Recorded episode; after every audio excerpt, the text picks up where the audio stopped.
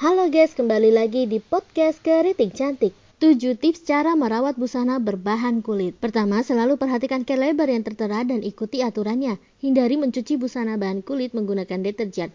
Kedua, hindari melipat busana karena akan meninggalkan bekas. Jika ingin menggantungnya, pastikan memilih ukuran hanger yang benar. Ketiga, saat menyimpan di dalam lemari, simpan pakaian tersebut di dalam kantung pakaian yang memungkinkan material untuk bernafas. Jadi, simpan pakaian berbahan kulit di tempat yang tidak lembab.